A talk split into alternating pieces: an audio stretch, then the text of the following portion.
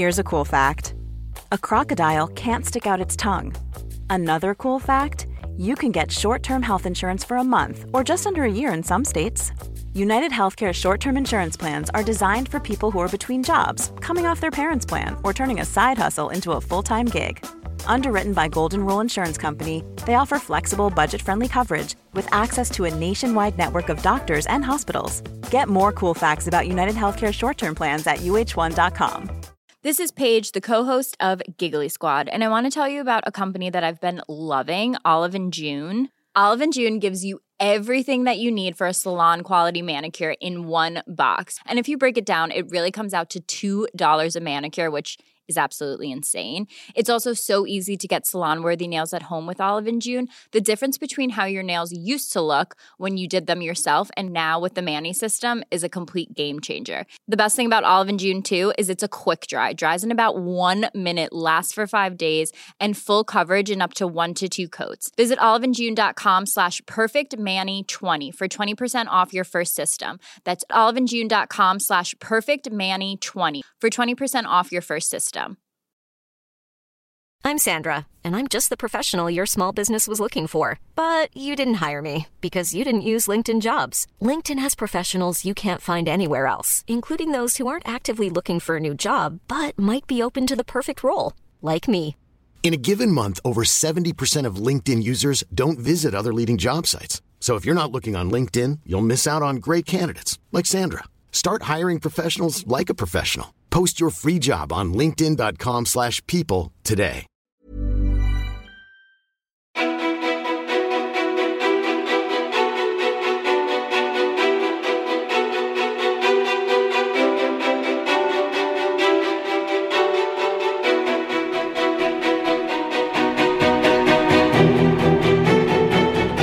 Eksvärd är retorikexperten som brinner för barnens trygghet.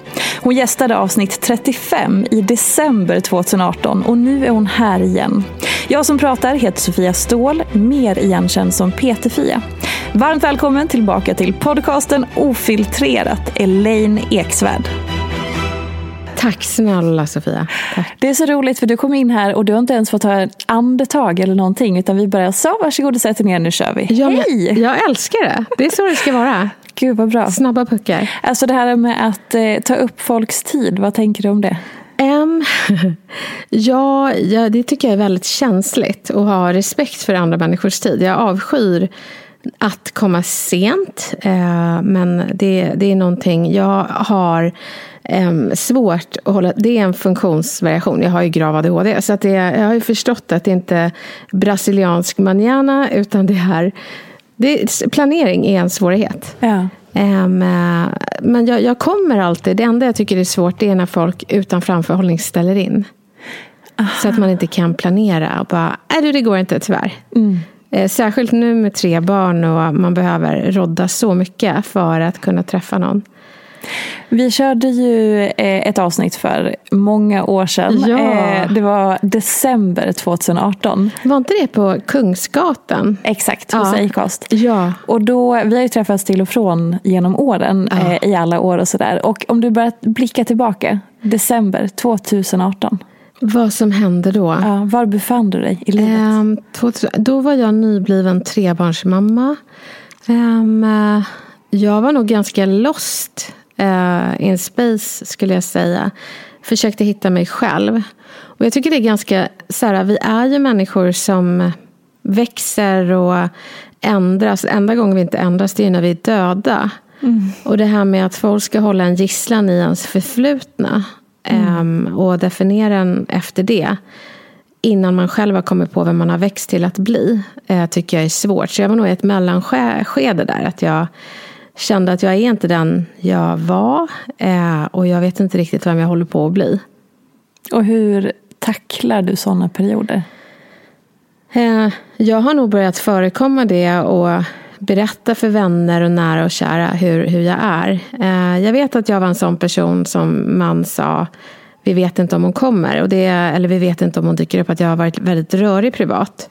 Jag är medveten om det. Jag har inte varit det på några år. Men, eh, och jag har också börjat värdesätta tid och förstå vad mycket man ställer till när man är på det sättet. Så jag skulle bara vilja att ni förstår att saker och ting har ändrats och jag går mot att bli eh, en annan Elaine. Så jag, jag tror att jag kommunicerar det. Det här, det här var jag, det är jag inte längre. Och den här är jag nu. Och sen får man ju se om folk fortfarande vill vara vänner med den nya eh, Elaine. Det är samma sak i kärleksrelationer. Om man ska ha ett livslångt äktenskap så är man ju inte samma person. Såvida man inte är ett kadaver. um, och då tror jag att man behöver uppdatera personer med. Jag vet att du träffade tjejen Elaine och nu börjar jag bli kvinnan. Och jag tycker om att ha mer givande samtal eller skratt är viktigt för mig. Testa nya saker. Eller jag tycker fredagsmys som vi har haft i fem år är skittråkigt plötsligt. Mm. Kan vi hitta på något annat? Och då tror jag att man inte bara ska klaga utan önska också. Och så får den andra känna att ja, ja, det, det kan jag ställa upp på. Eller nej, det vill inte jag. Och då går man skilda vägar utan att döma. Och vänskap också. Man kan ju ha olika definitioner av vänskap. Och mitt är inte rätt. Och ditt är inte fel. Vi har bara olika definitioner av det. Och det måste få vara okej. Okay. Jag tänker att det är eh, svårt att, att våga... Eller så här jag upplever att man hör att många upplever att det är svårt att just våga ta de där snacken. Ja. För att vi är väldigt främmande för att våga säga, alltså välkomna förändring. Det gör vi ju sällan. Utan att folk kanske är så nej men du har alltid varit så här och att det möts av ett motstånd på något sätt. Ja, och det är också att hålla någon gisslan i ens förflutna. Och det tycker inte jag man ska. Man får vara öppen för att en person upplever och vill ändras och inte vill definieras som den här gamla personen. Det är därför jag tror vi har otroligt svårt med klassåterträffar och en social ångest inför det. För då ska man liksom in i en social tvångströja mm. och liksom gå in i den här pjäsen som man var då. Eller, och eller äm, mäta framgång fruktansvärt elitistiskt och psykologiskt nedbrytande. Vad har du fått för respons när du var i den här fasen och du ändå utforskade den och dig själv? Och hur reagerade din omgivning på att du började berätta att nu är jag på väg någon annanstans här? Jag tycker de har varit väldigt bra. Ehm, och eh, de har också varit så här, ehm, förstående min, min man framförallt, han har varit väldigt glad över det han säger, min resa. Och då snackar han inte karriär utan mer eh, känslomässiga resa. Och hur jag försöker utveckla mig själv och ta ansvar för min, min funktionsnedsättning och, och så. Eh, sen så finns det ju de som inte tillhör familj, närmsta vänner, nära bekanta. Utan eh, gemene man, eftersom han är en halvt offentlig person. Som kanske har kallat en hycklare. Men, men att ändra sig, det är ju inte att hyckla. Alltså, jag tycker det är så hemskt med att man använder historiska digitala avtryck mot den. Och säger du sa det här då och nu säger du det här, du är en hycklare. Svar på tal till det är att säga jag sa det där då och jag säger det här nu. Jag är ingen hycklare. Jag är en förändlig person precis som du. Mm. Sen tror jag att man får lägga sig platt och be om ursäkt för historiska misstag och eh, så. När har du behövt göra det? Oj, flera gånger. Framförallt så efter jag kom ut med min bok Medan han lever som handlar om min pappa då som är en förövare. Eh, så var jag väldigt arg på mansläktet och på alla som inte tog ansvar för sina barn. Så istället för att inspirera folk att lära barn integritet så dömde jag de som inte gjorde det. Ungefär som folk dömer män nu. Varför gör du ingenting för kvinnorna? Så kan man säga, eller så kan man säga det här kan du göra för kvinnor. Mm. Um, och det säger jag inte från några höga hästar. Utan jag, så, så det har jag fått be om ursäkt för. Och min självbild var att jag hade civilkurage. Medan jag tror att det fanns någon som såg, och med rätt, att jag liksom vevade åt alla håll och kanter. Och fick något rus av det. Mm. Ja. Hur länge höll det ruset i sig? Ja, inte alls länge. Det var som ett Ungefär som när du åker ner för berg och dalbanan och det kittlar lite i magen. Och sen så kommer du ner och där kommer den känslomässiga baksmällan och då får man dåligt samvete. Eh, men, men det har jag lärt mig har med ADHD att göra. Att vi har brist på impulskontroll. Eh, vi kan ha rätt i sak men fel i uttryck. Och eh, skriker för fulla muggar. Och så känns det skönt att ha fått ut det. Men så kommer liksom det som en våg över hjärnan och hela känslolandskapet. Att man får dåligt samvete och ber om ursäkt och ta tillbaka allt. Var det självklart för dig att, att göra en ADHD-utredning? Nej, det var ju mina vänner som eh, gjorde en intervention under några år, men jag är så jäkla trög. Så jag fattade inte. Till och med psykologen när jag kom in eh, pratade redan första dagen om medicinering. Så.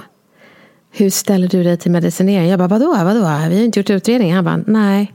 Så jag är tydligen en karikatyr på ADHD. Hur då? På vilket sätt? Oh. Nej, men när jag kom in, alltså för det första så hittade jag inte dit för jag kan inte läsa instruktioner.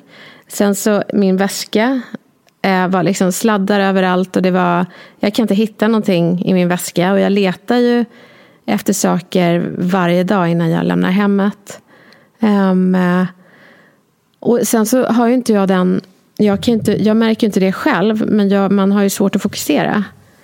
Här är det jätteenkelt att fokusera för vi pratar på riktigt. Mm. Men de här människorna som har transaktioner av ord. Nu ger jag dig några ord. Och så får du ge några ord tillbaka. Jag börjar. Ähm, jag tog bussen hit. Hur åkte du hit? Mm. Då blir jag så här. Skjut mig. Mm. Jag, vet, eh, jag har inga följdfrågor på din buss. Så säger jag inte. Men då kan jag utan att jag märker det tappa fokus. Um, så ja, det är uh, grav, den värsta graden av ADHD. Har jag. Och vad gjorde det med din självbild? Och det var som en kram till uh, mig själv. Jag tror jag fick det jag aldrig haft, självkänsla. För att jag kunde liksom kliva ur eh, eller flytta bort det som jag omfamnar till min identitet. Eh, brasilianskt temperament, det är aggressionsproblem eh, av ADHD. Eh, eh, grubbel på kvällarna, eh, att jag är en tänkare, när det är ADHD. Eh, livsnjutare, kan äta fem glassar när barnen sover, det är hetsätning, ADHD. Väldigt vanligt när man har sovit dåligt. Ehm, eh, vad har vi mer då? Eh, oplanerade graviditeter och så vidare. Så eh, det gjorde att jag kunde flytta ut det och bara, jaha, det här är inte jag, det är min diagnos. Men jag är för fan inte felfri. Utan jag är inte den här personen som säger, att jag har ADHD, utan jag tar ansvar. Jag gör fel som inte har med min diagnos att göra. Mm. Så det var väldigt skönt att flytta den delen bort från min personlighet. Jag kände mig inte så jävla dum i huvudet. Jag kan ju inte läsa ett recept, ett matrecept. Det går inte. Det är så här, ta tre ägg. Knäck dem. Och jag säger, jag orkar inte. Och så är det fem rader till. Eller skriva formulär eller betala räkningar. Om jag har betalat en räkning för många gånger och man får en sån här äh, Hej, hämta ut dina pengar. Det är så stort av mig att ta den lappen, gå någonstans där man ska hämta ut pengarna. Men om den här buti om butiksföreträdaren säger nej, du kan inte hämta ut det här utan det är, och så ska hon börja ge mig instruktioner. Då blir jag så eh, förtvivlad att jag tänker, det är inte värt det. Så då kan jag slänga den här pappersbiten med, med 1200 kronor för mycket betalt. För det kostar mig för mycket av mitt tjänstemässiga kapital för att dra in ett pengakapital. Eh, så. Och hur, liksom, för nu har, du, nu har det gått en tid sedan du fick diagnosen och mm. allt det här. Var börjar du landa någonstans i alltihopa nu? Um, ja, men först kan man säga, det var en av mina bästa vänner som är gay som påtalade att jag pratar väldigt mycket om min diagnos. Eh, och han sa det, det är fine, men någon gång måste du sluta. Det är ungefär som när jag kom ut, sa han. Att, eh, ja, men jag, var, jag berättade att jag var gay för allt och alla. Eh, och körde på stereotyperna och fjollade till det extra mycket för att bara markera gay. Inte för att det är på ett visst sätt, men han gjorde det. Utnyttjade fördomarna för att visa det. Mm. Och sen så sjunker det här gay ner och det blir en del av en själv och man behöver inte fronta det. Så nu är jag i ett skede där jag är väldigt trött på mig själv. Eh, när jag pratar om ADHD. Och eh, jag börjar få självkänsla och lite så här, det börjar landa i mig. Jag har inte det behovet. Varför ska jag berätta för folk att min medicin börjar gå ur? Mm. Eller, nej jag har sovit dåligt så att nu hetsäter jag. Alltså jag vill inte bli den här tanten som pratar om mina krämpor. Ja, du vet, det är gallan. Alltså jag, man är väl mer än sina symptom. Så att, eh, men jag behövde väl den perioden antar jag. Är det inte alltid så, för jag tänker att alla de där sakerna som påverkar ens identitet gör att, precis som du säger, man måste liksom absolut förstå det, absorbera och sådär. Och sen måste det på riktigt så här, sjunka in och bli. Jag kan, relatera till, till, jag kan relatera till det eh, med min utmattning. Att jag var sådär, ja men jag var den utbrända. Hela tiden i alla sammanhang. Tills man såhär, ah, fast nu får vi liksom göra om det. Nu, nu har jag kommit ifrån, jag behöver inte det där längre. Nej. Och sen är inte det något som består såklart, så det är annorlunda. Men, men ändå, alltså det är... Ja, men det blir en palett i ens personlighet och vad vill man fronta? Ja. Jag är mycket mer än min diagnos. Jag är mycket mer. Så bara kan jag inte säga någonting. Men, eh, men framförallt det, det, det som jag skulle kunna tänka mig att prata om eh, för andra fellow eh, funktionsnedsatta eller varianter eh, som har samma nedsättning som jag. Det är just medicineringen och hur många använder den som en cykel. När man egentligen borde tänka att det ska vara stödhjul, inte cykel. Och eh, saker vi med ADHD skulle behöva göra det är att träna varje dag. Sova åtta timmar. Eh, ha Skalman, alltså sov och matklocka. Eh, så att, eh, för att dämpa symptomen. Så att jag är väldigt glad att jag hittade Jag har ju tränat varje dag sen ja, dagen efter jag fick diagnosen. Och det gör ju otroligt mycket eh, om man tränar på morgonen. Och det är inte hårt, utan ja, 30 minuter varje dag. Vi är som de här eh, fjällhundarna som behöver springa tre mil varje dag. Eh, för att vara lugna. Eh, det, så är vi. Och jag tror också vi hade vår funktion ute på savannen då vi var i ytterkanten av flocken och skrek på främmande flockmedlemmar på ett sätt som jag tror förvånar oss själva, men som också skrämde bort fienden. Funkar jättebra på savannen, men inte så bra på kontorslandskap. så att man får ha lite förståelse för det.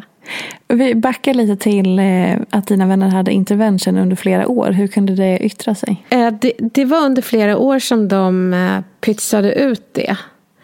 Och det var framförallt mina vänner som har ADHD och eh, vänner som är lärare och har flickor med ADHD.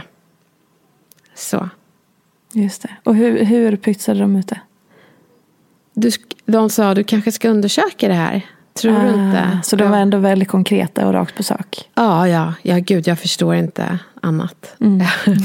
och sen så, ehm, jag, jag vet inte, jag vill inte så, jag trodde inte, jag var så här, nej herregud, jag tänker inte vara en sån där jävla kändis med superkrafter. Mm. och det är ingen superkraft, det är superjobbigt. Det är bara bullshit att det är, det tror jag folk med dålig självkänsla och ADHD har för att ta bort stigmat på ett jobb där folk kanske inte accepterar det. Bara, nej, var inte orolig, det är en superkraft. Du kan ha superkrafter ändå, men ge inte ADHD den credden. Just det. Det här med vardagssnack. Ja. Vi nämnde lite grann innan och snack i- och feedback i relationer. Och sa det att så här, det här, nu kan vi gå in lite grann i det här. Om vi bara börjar där, feedback i relationer. Berätta. Ja, alltså så här, ett skäl till att vi börjar bråka är för att vi berättar vad den andra menar. Så du menar. Det är det ena sättet att trigga ett bråk. Och det andra är, varför har du inte? Och då är det liksom att man klagar. Så det man ska undvika det är att berätta vad den andra menar och sen också eh, fråga, klaga på vad den andra har gjort. Så vad är alternativen då? Jo, istället för att berätta vad den andra menar så kan man fråga. Du, vill du berätta vad du menar med det här? Och, det, och istället för klaga ska man önska. Du, eh, det är ingen big deal, men till nästa gång skulle jag verkligen önska att du berättar innan eh, vad det nu än är man vill ge feedback på. Så fråga och önska. Och sen kan man alltid, du kan, för grejen är den, du kan aldrig berätta vad någon annan menar, men du kan alltid berätta hur det landade. Ja. Det är det som är så, har man den distinktionen så undviker man så många bråk. För folk känner sig påhoppade. Så du menar att jag är dum? Nej, men om du frågar så ska jag berätta. Det, det tror jag är riktigt viktigt. Eh, så. Ehm, och också att man, man berättar tidigt vad, vad man har låg tolerans för. Jag tycker inte om att säga till flera gånger. Det är min trigger. jättedålig kombo med barn. Mm. Men eh, jag försöker förvarna dem. Men, och hur, eh, som, som eh, till exempel då, så här, du, också, du har ju en extremt stor verktygslåda i relation, alltså i livet tack vare ditt jobb och ditt yrke och din kompetens. Uh-huh. Och det är ju inte så att man är så här, bara för att man är psykolog så mår man aldrig psykiskt dåligt och alla de där grejerna. Men, men hur är det att liksom ha all den kompetensen och de verktygen och sen då i relation till privatlivet, liksom det professionella versus det privata i just de här frågorna? Jag brukar säga det att jag snackar snyggt professionellt men snackar skit privat. Mm. mina, mina vänner är så här, men va? Hur kunde du bli retorikexpert? Och hur, hur, hur håller du så vältalig i, i uh, tv och i medier? Och du brukar säga att jag skärper mig helt enkelt. Men jag skulle vilja säga att jag har slutat skärpa mig mer och mer. Jag gillar uh, att visa den mänskliga Elaine. Och dela med mig av verktyg som man kan använda som är väldigt bra. Men också erkänna att det inte alltid jag lyckas använda dem. För jag jobbar som retoriker men så får man inte glömma att jag, precis som du sa Sofia, att jag är människa. Mm. Jätteviktigt. Så nej, Gustav har nog fått, min man då, har nog fått smaka på en och annan snacka skit-versionen av Elaine. Men eh, jag tror, det finns alltid ett ord som är bra att ha och det är förlåt. Eh, så. Mm. Och alltså i, ni var tillsammans i 14 år, ja. gifta? Ja, gifta i 11 ja. år. Ja. Vad har ni för hemligheter? Eller för eh, den här magiska formen? Det var en artikel, Aha. ska jag lägga till, att eh, det var så rubriker att Björn Skifs, om det var han, nu kanske jag säger fel. Det var någon av de där eh, artistpersonerna i alla fall som sa att eh, det händer, magin händer i sovrummet och det var liksom deras, så här, man måste ta tillvara på det och sen hade han lagt till någonting annat som inte hade med sovrummet att göra. Men det var liksom deras hemlighet i deras typ 30 år långa äktenskap. Alltså jag tror sex är jätteviktigt. Um, jag kan höra folk prata om hur de inte haft sex på flera år. Och då tänker jag, men då är ni inte tillsammans utan då är ni ju kollegor. Mm. Och så länge man är överens om det, att ja men vi är kollegor i familj AB. Mm. Uh, men då tror jag att det finns ett problem och det är att Ja, jag vet inte. Såvida inte du är asexuell så kan det vara ganska fint att få känna sig som en uppskattad sexuell varelse. Mm. Tio minuter eh, var tredje dag. Mm. nu vet inte jag hur långa, länge folk håller på. Eh, men jag kan säga att det blir inte längre när man har tre barn. Så att jag, jag tror att eh, Gustav och jag har alltid haft en kemi och alltid eh, varit attraherade av varandra. Och när det brister i attraktion så tror jag att det brister i kommunikation. Så att gå runt och vara passivt aggressiv och sura i hemlighet tror jag dödar din sexlust till personen. Mm. Eh, att jag tycker det är viktigt att man vågar ge folk chans att be om ursäkt och lösa saker istället för att tänka han borde förstå. Så tycker jag man borde tänka jag borde prata. Just det, den är bra. Uh. Det är någonting med det där man alltid är så här, den och den borde förstå. Det är som att vi lär oss någonstans, eller fostrat i att man ska godkänna varandras känslor hela tiden. Åt ja, olika håll. Ja, men precis. Men, och också att vi kräver av folk att vara telepater. Hur, nej. Hen borde inte förstå hur du känner. Du borde berätta hur du känner så hen får chans att förstå mm. och göra någonting. Och jag menar, det Gustavs och min relation det har inte varit dans på rosor. Eh, utan jag har ju, eh, vi har ju varit på väg bort ifrån varandra för att jag under en period inte pratade. Eh, det är farligt för relationen. Mm. Sen tror jag inte att man ska sträva efter så här, ja vi ska vara ihop livet ut. Utan, eller vi ska vara vänner tills vi dör. Utan man träffar ju folk. Vad var det, det finns en sån här klyscha som jag tycker är så bra. For a reason, season or a lifetime. Och att bara acceptera det. Ja, det här var en anledning. Det här var en, en tidsbegränsad vacker period. Och det här var för livet. Men alla möten är otroligt värdefulla. Mm. Men vadå, du slutade prata? Ja, alltså jag berättade, jag liksom var missnöjd i... Jag tror inte jag var, hade inte utvecklat de käns, den känslomässiga begåvningen att jag kunde uttrycka vad jag behövde. Jag blev mer förvånad över mina egna känslor. Att jag plötsligt blev arg, att jag, att jag plötsligt eh, kände mig besviken. Att jag plötsligt kunde titta på honom och tänka, vem är den där tönten? När han stod i köket. Alltså, mm. stackars man. Eh, och apropå psykolog så sa min psykolog, du är inte riktigt klok. Vad är det för fel på dig? Allt du berättar, det låter som att det är en fantastisk man. Du är inte klok. Jag bara, va? Får du säga så här? Hallå, du är psykolog. Hon bara, det får jag säga. Det är idiotiskt det du håller på med. Underbar psykolog. Ja. Um, så uh, istället för någon som nickar och bara, hur känner du då? Vad Ja. tänker du då? Man bara, är, har du en jävla repeat-mekanism och du bara säger så?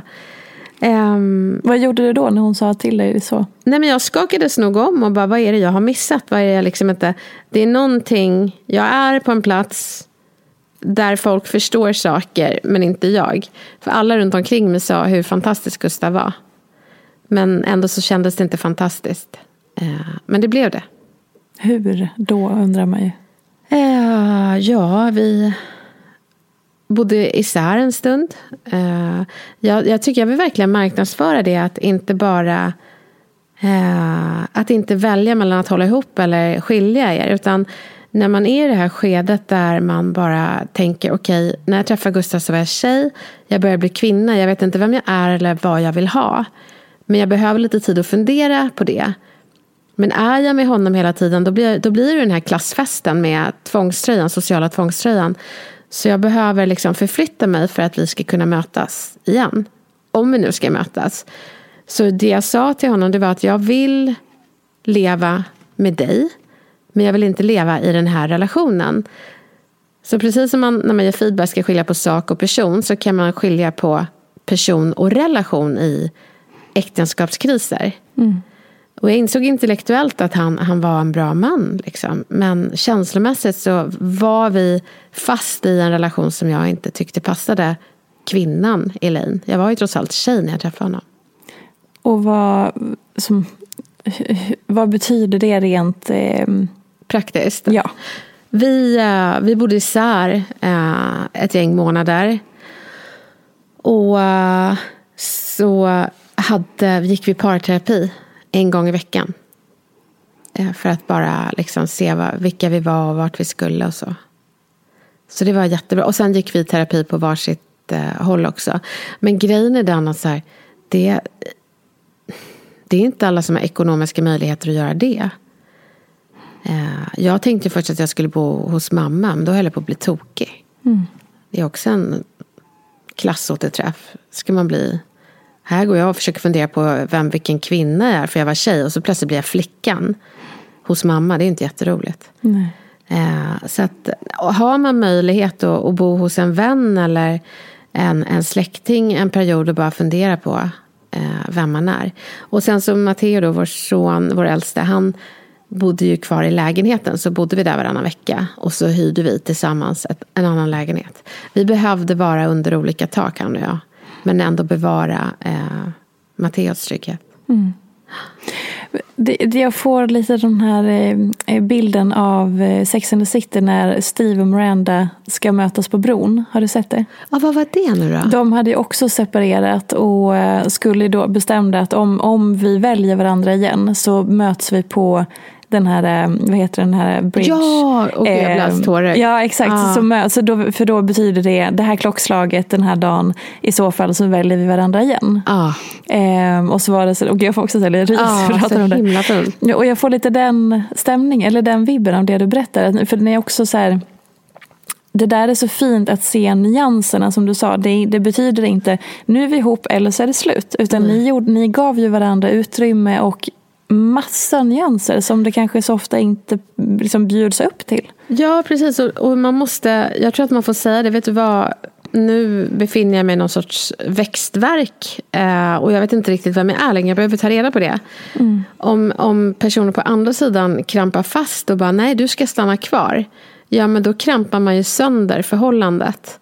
Alltså, man måste våga släppa och låta personen växa. Och det kan vara att ni växer ihop eller växer ifrån varandra. Men det vore ju dumt att själv ta koll på relationen för att man är för rädd för att släppa. Och Gustav var otroligt modig. Men han säger att det vill han aldrig gå igenom igen. Nej. Det är otroligt, alltså en ovisshet. Det är den här förväntansångesten. Hade ni något sånt då konkret, sånt Miranda och Steve moment? Där det är så här, nu tar vi det här steget, nu väljer vi igen. Eh, ja. Alltså, eftersom attraktionen aldrig försvann så kan man ju mer eller mindre säga att vi var KK under tiden som vi var isär. Så vi blev ju gravida där med Evelyn, det var inte riktigt planen. Ah, just det. Eh, vad gör vi nu då? Så jag bara, jag vet inte, vi kanske separerar ändå. Så det är väl bra om alla ägg i en korg. Jag tyckte inte han var jättekul, alltså, han ville ju leva ihop. Men eh, det var när han stod och diskade i vår lilla lägenhet i Spanien. Och jag var i, i sjätte månaden tror jag det var. Och så tittade jag på honom och bara, fan vilken bra människa han är. Så jag sa så här, vet du vad, alla bitar är inte på plats men jag vill verkligen leva med dig. Eh, jag vill verkligen, om du vill så vill jag verkligen. Och eh, sen får alla känslor komma ikapp. Men jag, jag tänker jobba för det här. Och han var ju inte så här hoppade och gjorde volter. Utan han var ju sårad efter den här perioden. Och, ja, och då kom känslorna ikapp sen. Mm. Men det var en period som jag liksom inte kände mig kär. Uh, så. Ja, alltså den känslomässiga järnridån gick ner. Och det har väldigt mycket med mina trauman att göra. Alltså jag, lätt att stänga, hade lätt att stänga av män. Men nu är Gustav inne med någon sån jävla Carlssons klister. Alltså ännu värre. Alltså tuggummi i håret. Så är han i mitt hjärta. Ja, vad fint. Ja. Gud. Så just det där också, här, vad man tänker att en relation ska innebära också. Uh. Eller så här, måste man vara kär hela tiden? Kan man vara kär hela tiden? Vad är att vara kär? vet, det blir så, kan bli så filosofiska, stora frågor av det där. Jag tror en dags... Alltså igår var jag inte ett dugg kär i Gustav. Jag är skitförbannad på honom. Ja. Idag är jag svinkär. Men eh, ja, alltså det var någon som sa det att livet, så är ju livet. Hjärtats slag, det går upp och ner. Mm. Um, och ha lite is i magen. Det är väl bara att man inte får vara där nere för länge. Tills det blir ett streck. Eller hur? Ja. Och just någonstans det här med att, eh, att tillåta sig att mötas på riktigt. Att man Mm. vågar vara sårbara tillsammans och att så här, okej, men nu ser vi varandra. Men som du och jag i den här stunden, Mm. nu har också studion släckts ner så vi sitter här i mörkret och så här, då delar man ju en fin stund som är på riktigt för det är Ja. bara fokus på här och nu. Och att man har de stunderna kanske i sin relation eller med vänner eller vad som helst där man så här, vi ser, vi hör varandra.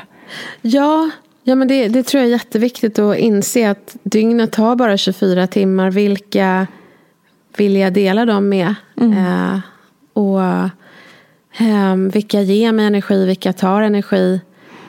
Eh, vilka träffar mig för att det är Elaine eller för att det är strategiskt? Alltså, det finns så många aspekter. Och det måste jag säga att medicinen har gjort klart för mig. Att jag kan liksom strukturera upp mitt liv och min tid och bara vilka vill jag umgås med? Och våga ta den här eh, energikompassen. Jag har aldrig sagt det ordet förut. Men när man känner att ah, det här känns som dålig energi. Och bara klura på varför det är. Ah, ja, men jag gillar inte det här. Eller det här känns som bra energi.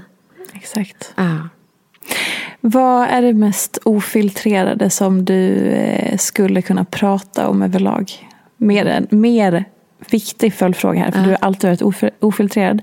Men mer än det du redan har gjort. Alltså i, om vi tittar på offentliga rum och all, all tid som du har spenderat i den genom åren.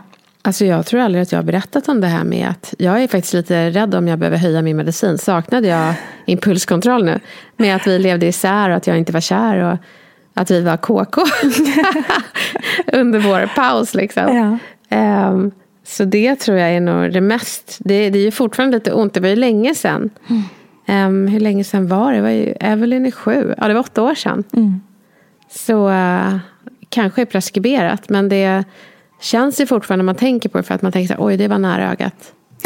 Och jag tänker också att det där är en, eh, nu bestämmer jag det, tar min frihet, men att så här, det är till dig, den som lyssnar på det här, att så här, de där nyanserna, att våga gå hela den vägen, det tänker jag är liksom en gåva i att se de perspektiven så att det inte blir liksom, nu är det slut, nu är vi ihop och sen så har man bara två alternativ och så finns det ingenting annat där.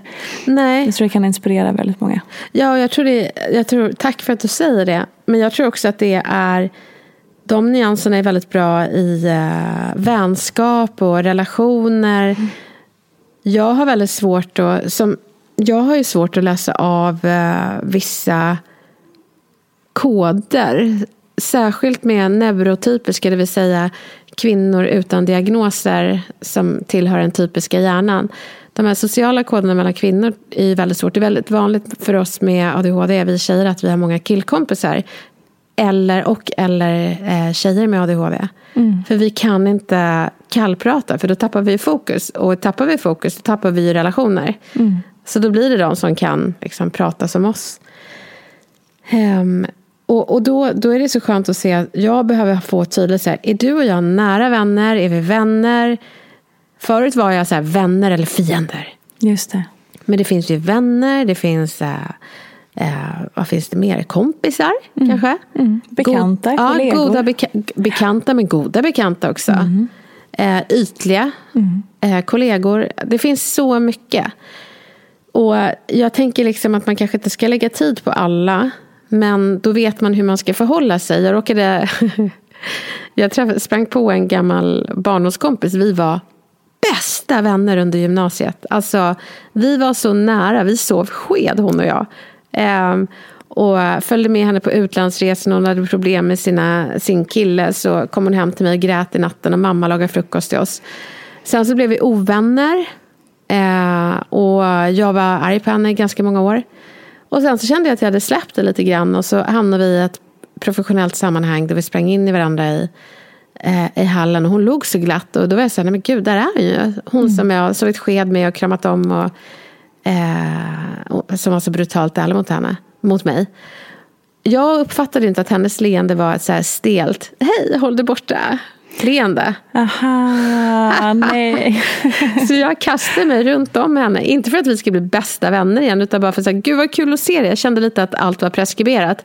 Och det var som att, ni, ni lyssnare ser inte det, men här inne har vi en kromfärgad lampa. Mm. Det kändes som att krama den. Jag bara, det här var nog ingenting hon ville. Och så pratade vi lite, så hon bara, jag måste gå nu.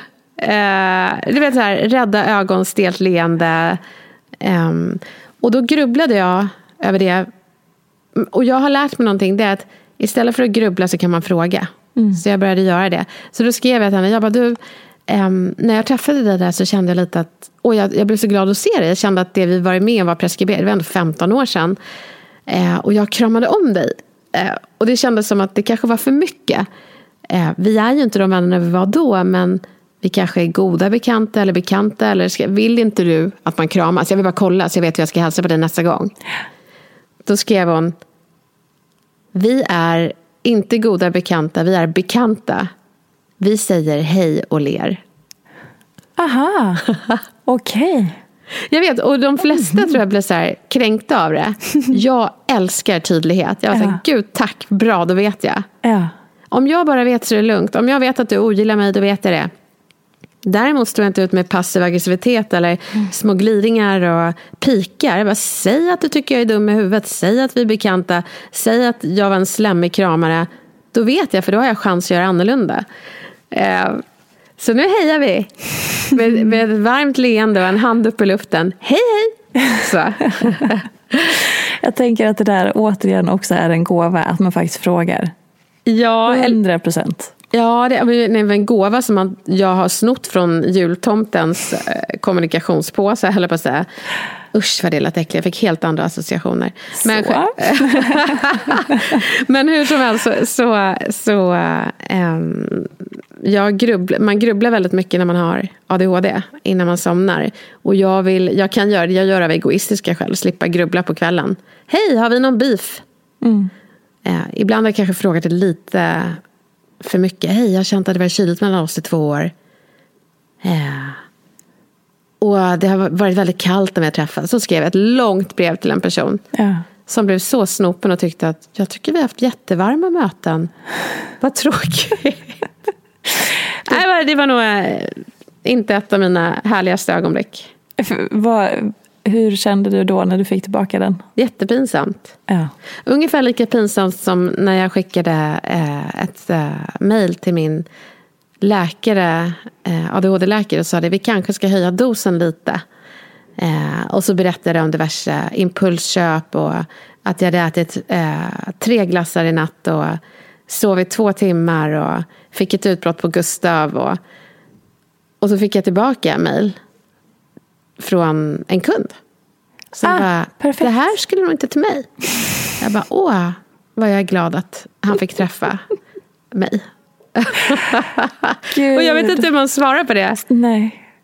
Men alltså också så här, det, där får man hoppas att det är en människa som är rimlig och vettig och bara så här, honest mistake. Och den det skulle till behövde all den informationen. Egentligen. Jo, precis. Men då är det liksom någon som har sett mig på scen snacka snyggt och hur, hur du... Ja. Eh, det är ju ingen hycklare, det är en annan sida, en annan palett som inte glittrar så mycket. Och allt måste få finnas. Ja, Jag skickade också god morgon älskling och massa olämpliga emojis till en, till en eh, gemensam samarbetspartner senast, senast i morse. Så att eh, jag, I feel you.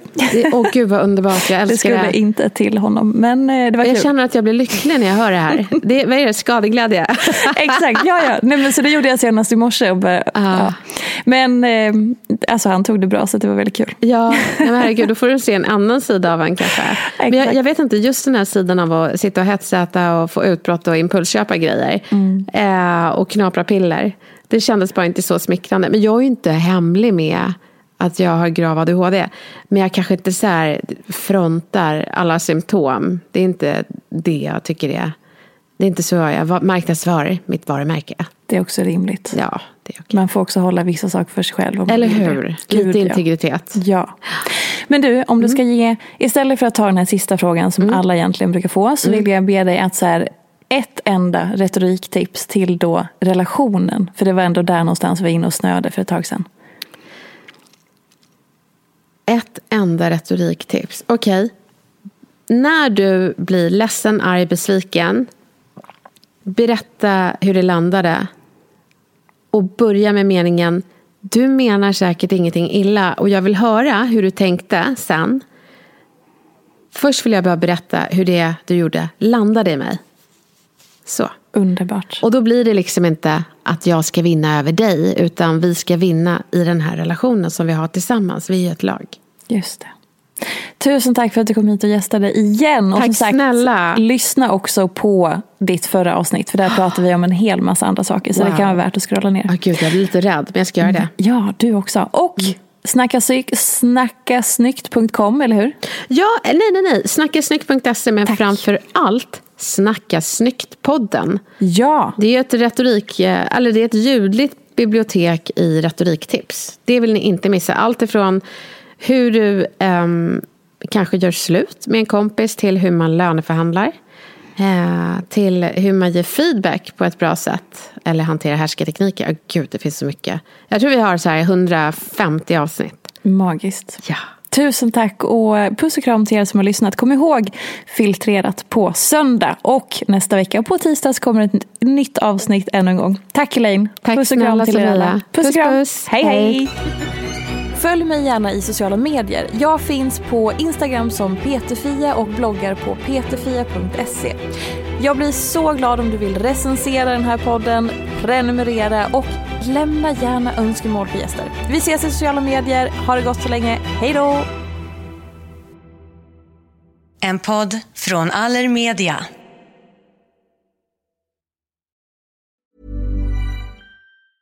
Mom deserves the best, and there's no better place to shop for Mother's Day than Whole Foods Market. They're your destination for unbeatable savings, from premium gifts to show-stopping flowers and irresistible desserts. Start by saving 33% with Prime on all body care and candles. Then get a 15-stem bunch of tulips for just $9.99 each with Prime. Round out Mom's menu with festive rosé, irresistible berry chantilly cake, and more special treats. Come celebrate Mother's Day at Whole Foods Market. Planning for your next trip?